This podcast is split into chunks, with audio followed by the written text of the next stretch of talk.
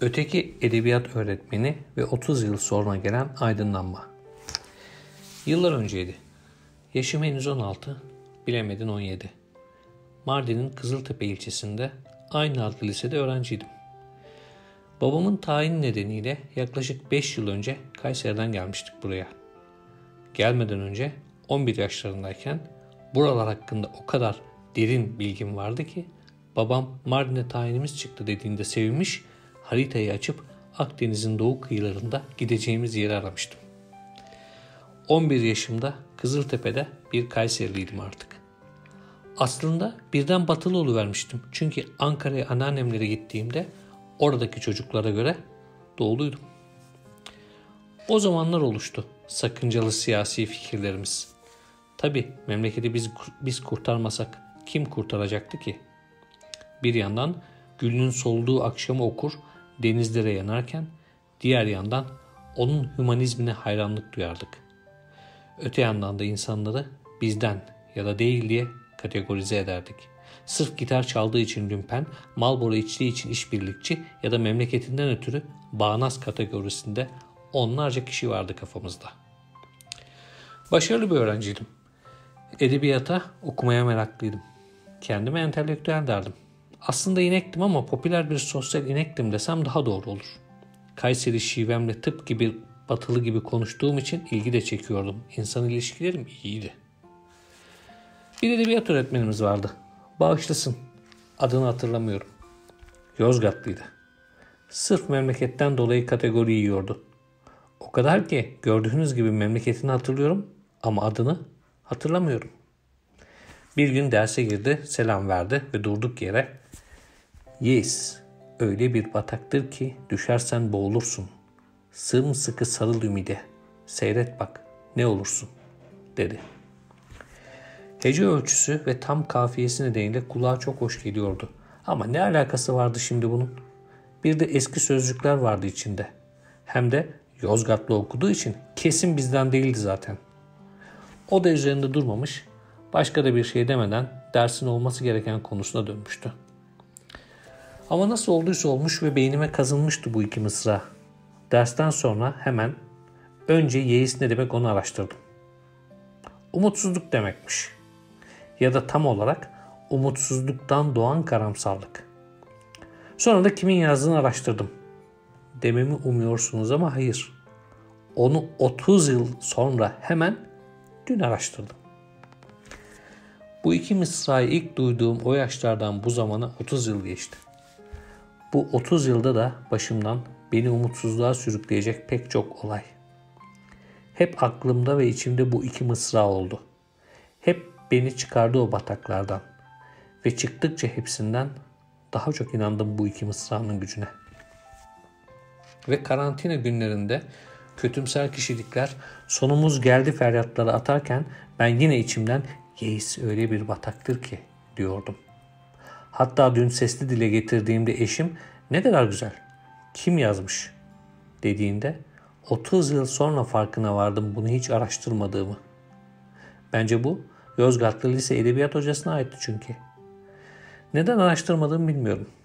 Belki de bilinçaltımda öğrenmek istememek de vardı. Çünkü bizim edebiyat hocası okuyorsa bunun yazarının bizden olmama ihtimali kuvvetle muhtemeldi. Bu utanç ile yaptığım araştırmada öğrendim ki bu iki mısra Mehmet Akif Ersoy'un 14 Mart 1913'te yazdığı Ati'yi karanlık görerek azmi bırakmak şiirinden alınma iki mısraymış ve hatta tam olarak da şöyleymiş. Yes, öyle bataktır ki düşersen boğulursun. Ümide sarıl sımsıkı. Seyret ne olursun. Şiirin tamamını okuduğumda 20 yıllık insan kaynakları meslek hayatımda gördüğüm en iyi umut aşılayan motivasyon metniyle karşılaştım.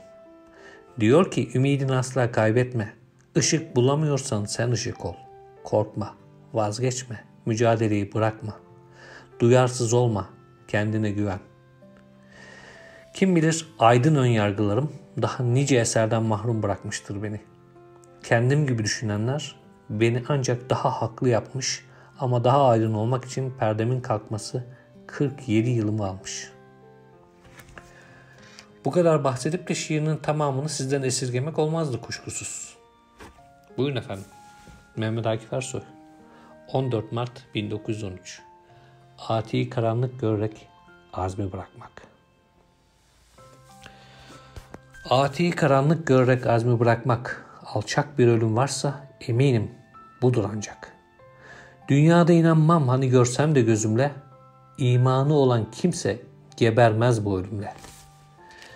Ey dipdiri meyyit, iki el bir baş içindir. Davransana, eller de senin, baş da senindir. His yok, hareket yok, acı yok, leş mi kesildin? Hayret veriyorsun bana. Sen böyle değildin. Kurtulmaya azmin neye bilmem ki süreksiz. Kendim mi senin yoksa ümidin mi yüreksiz? Ati kar karanlık görüvermekle apıştın. Esbabı elinden atarak yeise yapıştın. Karşında ziya yoksa sağından ya solundan tek bir ışık olsun buluver, kalma yolundan. Alemde ziya kalmasa halk etmelisin halk. Ey elleri böğründe yatan şaşkın adam kalk. Herkes gibi dünyada henüz hakki hayatın varken hani herkes gibi azminde sebatın.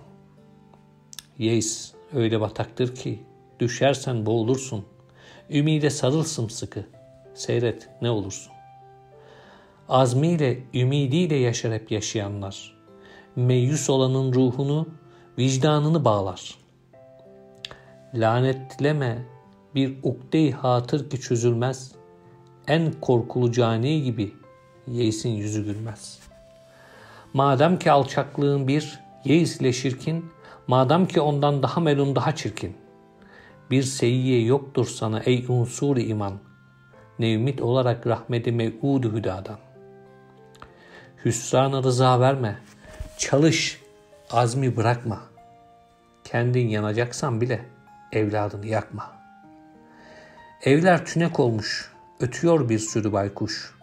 Sesler de vatan tehlikedeymiş batıyormuş.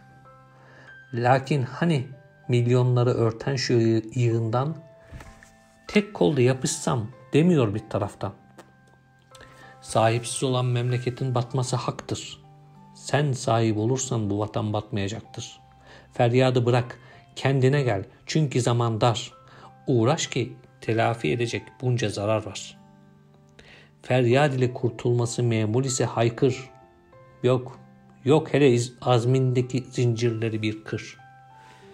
İş bitti, sebatın sonu yoktur deme, yılma. Ey milleti merhume, sakın yeyse kapılma.''